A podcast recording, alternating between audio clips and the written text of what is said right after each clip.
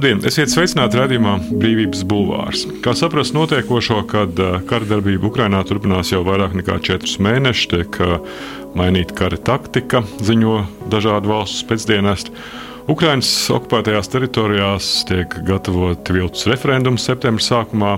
Zaļenskis paziņojis, ka visi emigrējušie Krievijas pilsoņi no rietumiem jāsūta atpakaļ.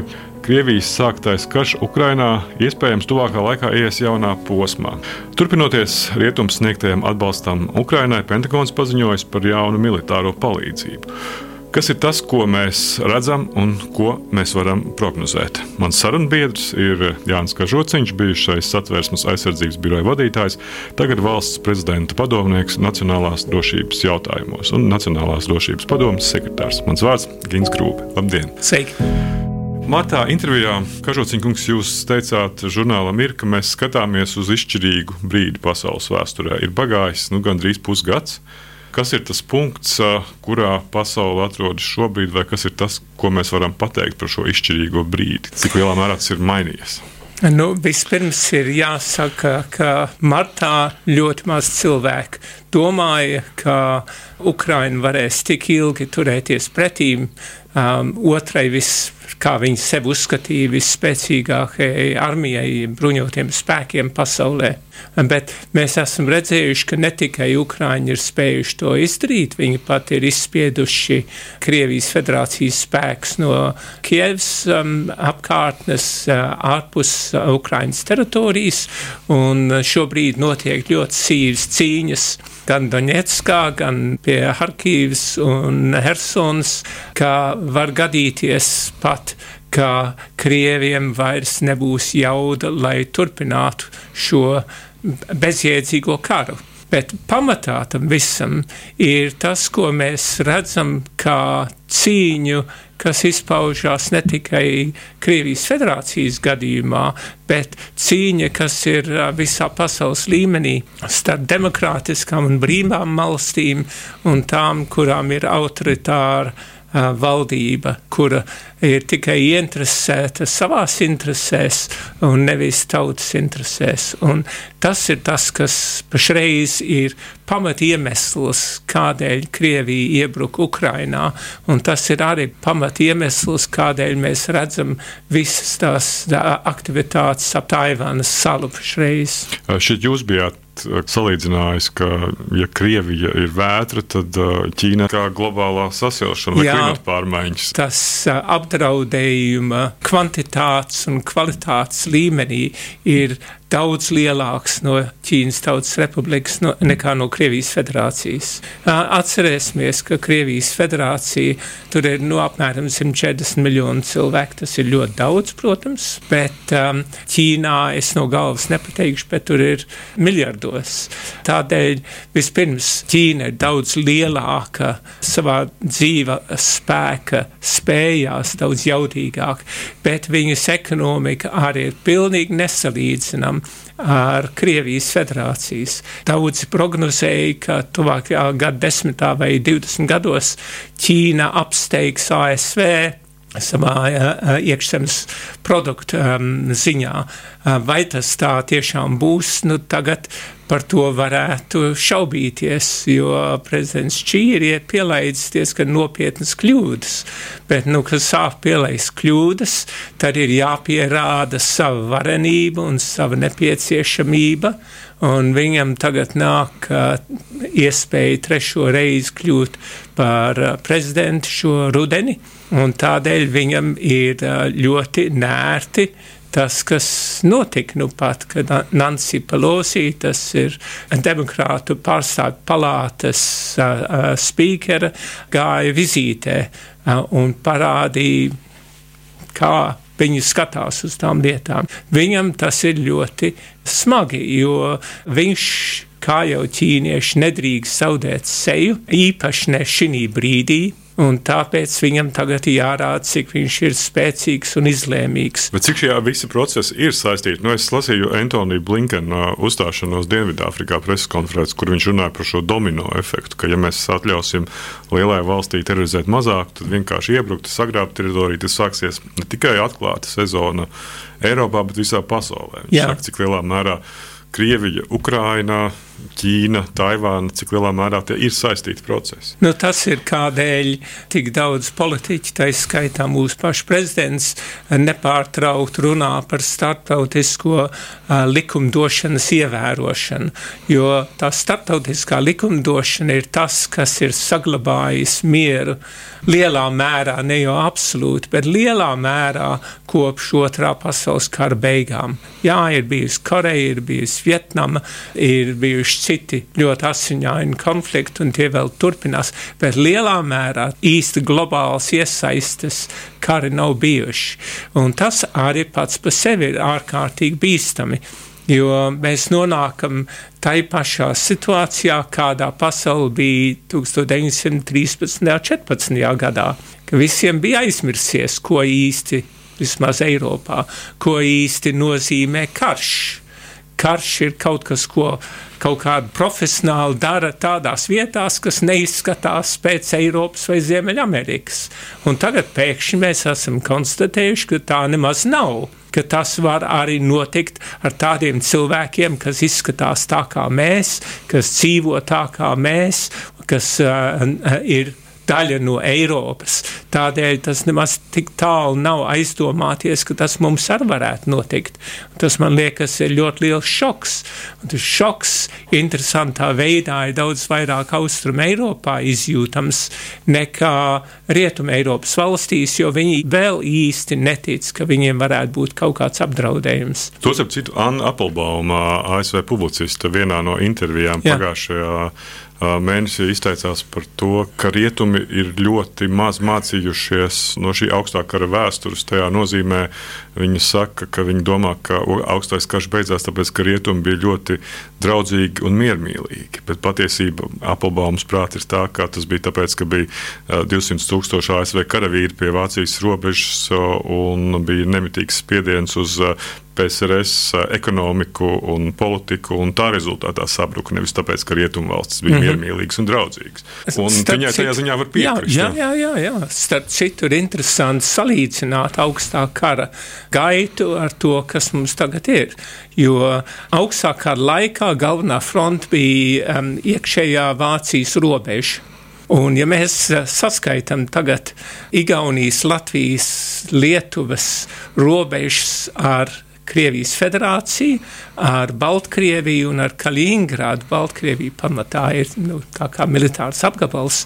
Tad viss kopā tas attālums ir lielāks, garāks nekā iekšējā Vācijas robeža. Un, lai nosargātu augstākā laikā, bija divas armijas grupas Katrā bija četri korpusi, katrā korpusā vismaz divas divīzijas, katrā divīzijā vismaz divas brigādes, katrā brigādē vairāk bataljoni, un mēs nu pat uh, esam ļoti apmierināti ar to, ka mēs esam Madridē izcīnījuši vienu brigādi starptautisku, kas nāk mums palīgā. Tad, respektīvi, salīdzinoši raugoties uz šo augstākā situāciju, Baltijas valstis vēl aizvien nu, nav tādā līmenī, kā bija. Nu...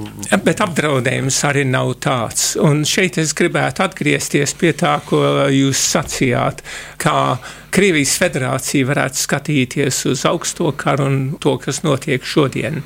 Un es gribu salīdzināt ar to, kā Vācija skatījās, jeb um, daži Vācijā, īpaši nacionālie sociālisti, skatījās uz 1918. gada notikumiem, jo viņi nebija pārliecināti, ka Vācija bija sakauta. Viņi domāja, ka tā bija nodevība, un ja viņi būtu varējuši turpināt cīnīties, varbūt viņi būtu uzvarējuši. Un tādā pašā veidā mums Kremlī ir veci cilvēki, nu, man vecuma cilvēki, kuriem arī ir pieredze no augstā kara, kas sev ir iestāstījuši, ka varbūt viņi arī nezaudēja augsto karu, ka tas bija liels uh, rietumnieku blefs, ka viss tas bija, bija tikai ar nodomu, lai rietumi varētu nosakt um, dabas vērtības no Krievijas federācijas, un ka viņiem tagad tādā pašā veidā, kā Hitlers domāja, ka viņam tagad ir jāatgūst tas pazaudētais, viņiem arī ir jāatgūst. Un tāpēc mēs redzējām 17. decembra piedāvājumu ASV un NATO pagājušā gada piedāvājumu noslēgt līgumu, ka viss atgriežas uz 1997. gada status quo. Radījums Brīvības Bulvārs. Sarunas par to, kas notiek un ko mēs par to varam domāt. Bet kas ir tas ilgtermiņš, par kuru mēs vispār varam domāt šajā kara kontekstā? Jo tas uh, process uh, Putina galvā sākās kā blitzkrīgi, paredzot, ka viss beigsies trīs dienās. Tagad šis blitzkrīgi jau ir daudz mēnešu garumā, un jautājums, kurā kara posmā tad mēs esam? Jā, mēs tagad esam redzējuši visa pasaule ir varējusi novērot Krievijas nespēcību tikt galā pat ar Ukraina, kas nebija īpaši labi apbruņota, bet kur, kurai bija ievērojama kaujas pieredze no Donbass, un to viņi ir ļoti gudri izmantojuši. Tā nespēja, bezspēcība, viņas saknē ir varas vertikāls, Putina varas vertikāls un korupcija, uz kura viss tas ir balstīts. Ja tā korupcija tur nebūtu, tad tie bruņoties spēki nebūtu tik vāji, kādi viņi ir. Tad nebūtu tā, ka viņiem ir jāmeklē T-62 agrās versijas, lai atvietotu tankus, kas um, nedarbojās.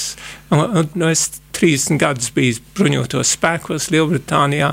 Es zinu, uh, cik svarīgi ir, ja tu konservē ekipējumu, cik nepieciešams ir, lai regulāri viņu iedarbinātu, lai izmainītu eļļas, izmainītu smērvielas, pārliecināties, ka visas blīves darbojās, jo ja tu to nedari, Un, ja tev ir izdevīgāk un ir pieņemams, ka tas, kas ir nācis iekšā, lai tiktu izmainīts, ka to var pārdot un tu vari to iebāzt kabatā, tad, protams, izbrauc ārā tagad, ka pēkšņi vajag, un pēc 30 kilometriem viss apstājās.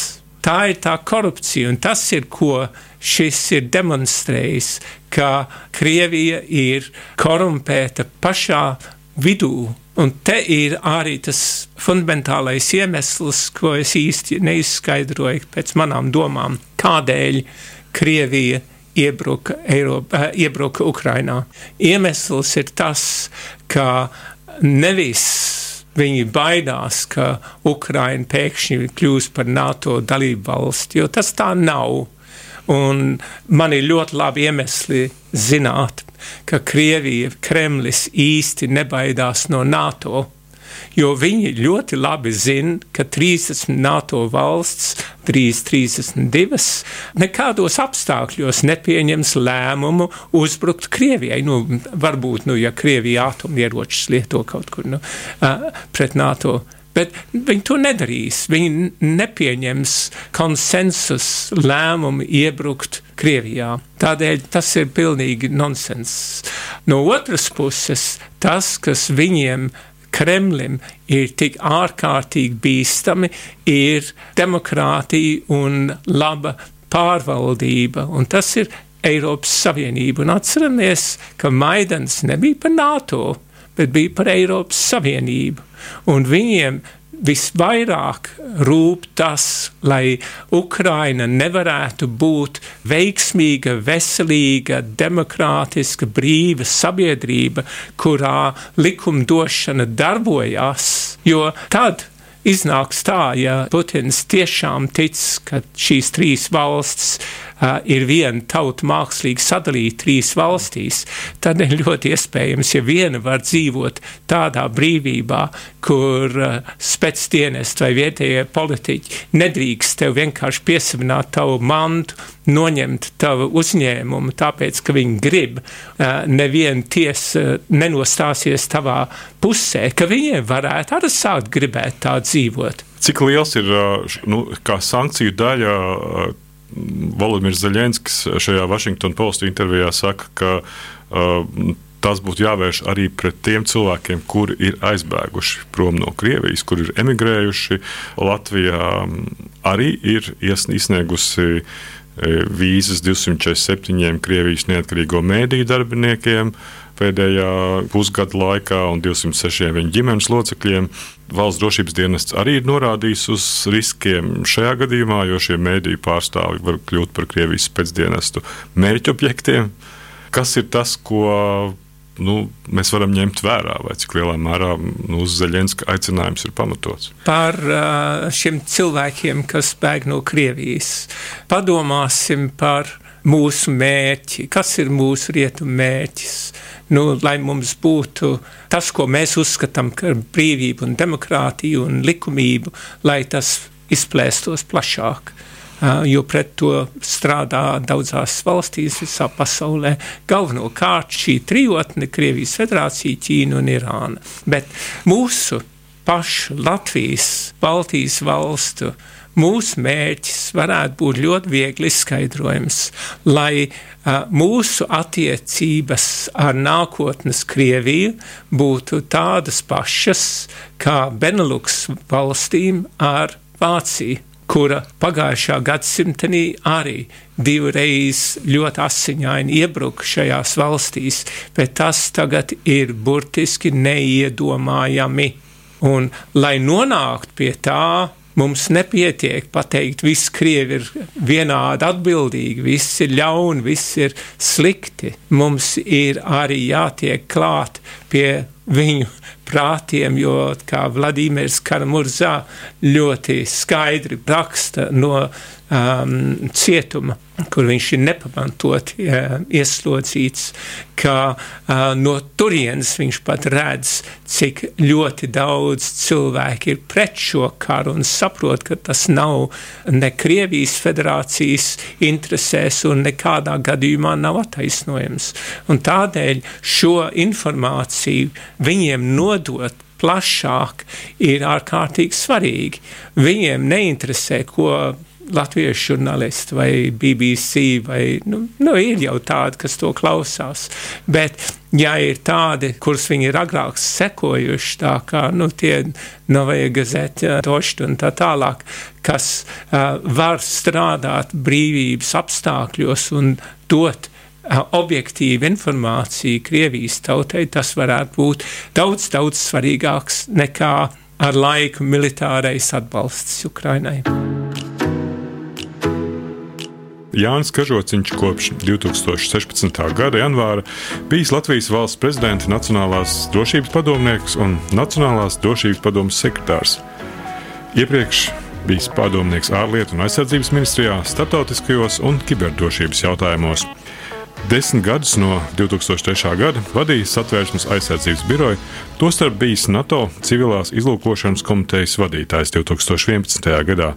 Jānis Kažociņš ir dzimis apvienotajā karalistē, ieguvis filozofu grādu Nottinghams Universitātē, kā britu virsnieks dienējis Vācijā, Ziemeļīrijā, Norvēģijā, Belisā un citās valstīs. 2002. gadā priekšlaicīgi atvaļinājies no dienesta Lielbritānijas bruņotajos spēkos brigādes ģenerāla pakāpē un pārcēlies uz dzīvi Latvijā.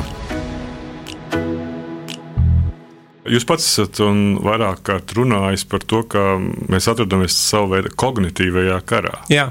Proti, ka šī ir šī kognitīvā kara daļa vai sastāvdaļa, Jā. kurā mēs runājam par attieksmes maiņu vienam otram pret otru. Kas ir šī kognitīvā kara izpausmes nu, šobrīd, kad paralēli ir šis militārais konflikts? Uh, nu, tur ir jāskatās, kurā vietā. Es domāju, um, nu, no Latvijas viedokļa. Tieši no Latvijas viedokļa. Mēģinājums iestāstīt, ka patiesībā NATO rietumi un Ukraiņi paši ir vainīgi par to, ka Krievija bija spiest viņiem uzbrukt, jo tā ir kaut kādā mistiskā veidā pašaizsardzība.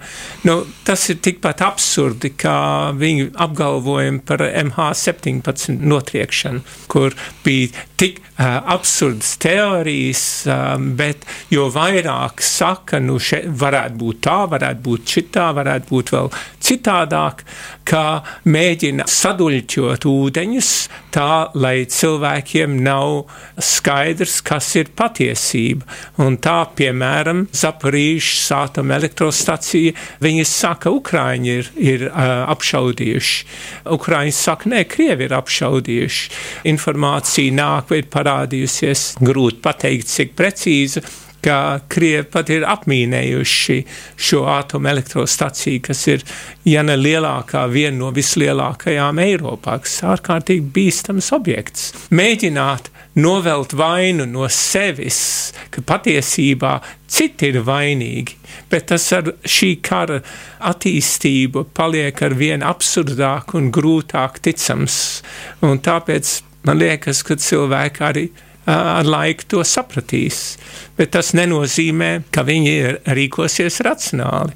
Nu, paskatieties uz ASV, kur uh, ir vēl uh, liela daļa no republikāņu partijas, kas uzskata, ka Donalds Trumps īstenībā uzvarēja 20. gada vēlēšanas. Nu, acīm redzot, ka tā ne, nebija. Nu, to saprot, ja objektīvi vēlās uz to skatīties. Bet ja vēlās ticēt, ka tā bija. Tad tas ir kognitīvais karš, kur nav vairs runa par objektīviem faktiem, bet drīzāk par attieksmi. Un man nav svarīgi, kas tie fakti ir. Manā attieksme ir, ka es gribu uh, Donaldu Trumpu par savu prezidentu, es gribu spēcīgu republikāņu prezidentūru Un um, nu, tie fakti nu, ir tie sekundāri. Bet, ja mēs atrodamies šajā kognitīvajā karā, kas būtu tā mūsu stratēģija vai ieroči, kas mums būtu jālieto? Patiesība. Jo ar patiesību ir tā, ka, protams, viņi var mēģināt apgāzt, bet nu, vai nu jūs maz, mazgadīgā meita ir stāvoklī, vai viņa nav. Tur nav vidusceļš. Ir vai nu tā, vai tā. Un to var pasniegt kā piedošana par banālo salīdzinājumu, bet nu, to var pasniegt kā vēlās. Bet ir objektīva patiesība. Un, uh, Mēs tagad pašreiz mēs neesam pieminējuši klimāta izmaiņas. Klimāta izmaiņas ir arī ārkārtīgi bīstami, jo pašreiz tie cilvēki, kas, piemēram, Lielbritānijā um, mēģināja uh, cīnīties par Brexit un sastāstīja visādas raiņas par to, kā, cik labi būs, ja atstās Eiropas Savienību, viņi tagad sāk runāt par to, ka globālā sasilšana ir um, valdošās iekārtas un lielā biznesa viņu veids, kā eksploatēt tos, kur ir mazāk nodrošināti. Un tie mazāk nodrošinātie tie ir tie, kas cietīs. Un to mēs redzēsim šo ziemu. Tāpēc ir ļoti labi, ka mūsu valdība ir laicīgi jau sākusi izplānot, kādā veidā atbalstīt apvienotā karalistē viņiem vēl viss ir um, pilnīgā sviestā, jo nu, viņi nevar izgudrot, kurš būs um, premjerministrs. Un uh, vismaz viens kandidāts varētu aiziet pilnīgi neceļos. Kas, jūsuprāt, ir uh, nu, šobrīd tā situācija vai bīstamība, domājot gan par to, kas ir tas, ko Krievija interesē Latvijas uh, nākamo sājums vēlēšanu?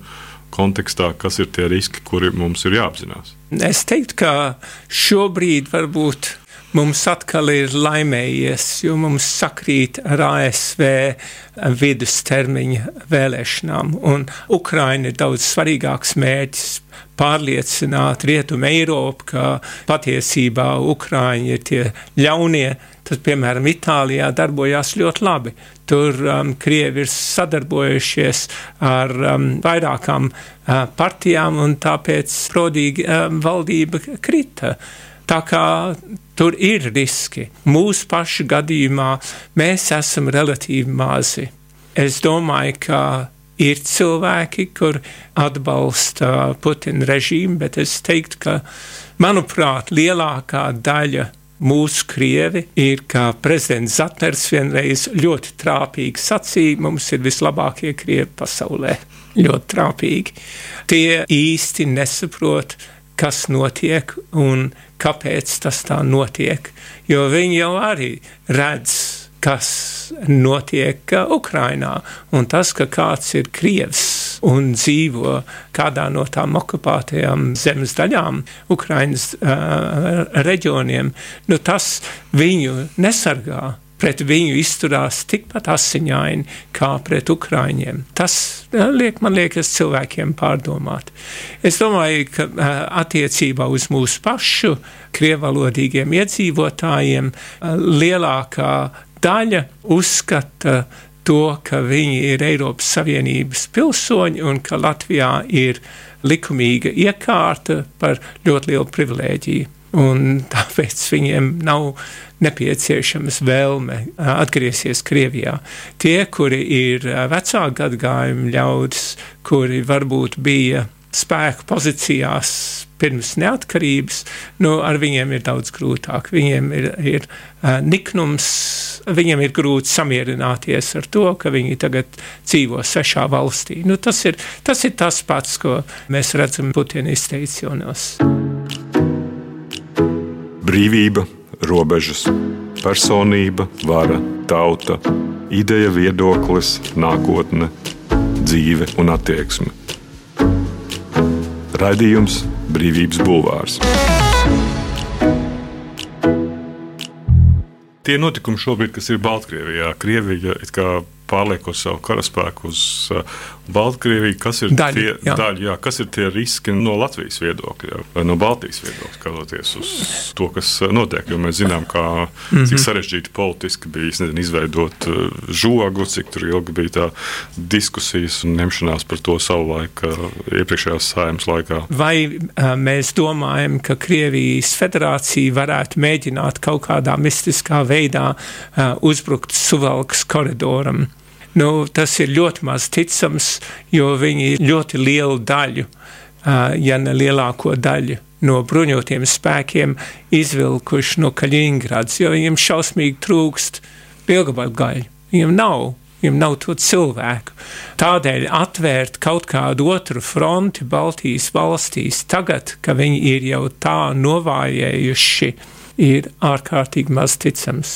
Kas viņiem ir vajadzīgs, ir, lai viņi varētu, lai Putins varētu pateikt, viņš ir uzvarējis, viņš ir izdarījis to, ko viņš īstenībā gribēja, teiksim, nu, iekarojis visu Tombās, kaut ko drusku vairāk, bet kaut ko, lai viņš varētu to pasniegt kā varu. Iekšpolitika. Iekšpolitiski, protams, jā. Un tad kad ir kaut kāds pietiekami um, spiediens no rietumu puses, lai būtu pamiers, tad viņi var sākt atkal sakopties, bet atjaunot visus tos modernos ieročus, kuriem tie superkonduktori ir vajadzīgi, nu, to jau nevar gadā divos, tā kā mums ir kāds laiks, pa kuru mēs varam tagad gatavoties. Un tas, ka mums ir Latvijā jau tagad, ja es nekļūdos, 12 dažādas valstis no 30 da esošajām dalību valstīm ir Latvijā šobrīd. Pārstāvēts, ja. Nu, ne tikai pārstāvēts ar bruņotiem spēkiem, Jā. kas nāk mums palīgā, mūs aizstāvēt, nozīmē, ka tas nav tā, kā būtu bijis pirms šīm kaujas grupām, ka skeptisks valsts būtu varējuši teikt, nu mēs īsti nezinām, kas tur, tur notiek tais Baltijas valstīs. Tas tāpēc, ka jūs tik nejauki pret saviem krievvalodīgiem varbūt. Tas tā vairs nav jo viņi zina, viņi ir šeit klāt, viņi redz, viņi saprot, ka, mēs, ka fašisms neatdzimst Baltijas valstīs. Vienalga, ko Krievu televīzija varētu mēģināt um, sacīt, tas ir ļoti svarīgi, un tā ir ar, arī daļa no šī kognitīvā kara. Paldies! Tas bija Jānis Kažociņš, bijušais satversmes aizsardzības biroja vadītājs un tagad valsts prezidenta padomnieks nacionālās drošības jautājumos. Radījumā Brīvības bulvārs Mans vārds Gins Grūbe, ierakstīja radījumu Toms Šits un montēja Nora Mitspapa. Paldies! Brīvība ir brīvība, nevienlīdzība vai taisnīgums, vai kultūra vai cilvēks laime. Tā teica Iesai Berlīns. Sarunas ar brīvas apziņas un ideju cilvēkiem radījumā Brīvības bulvārs.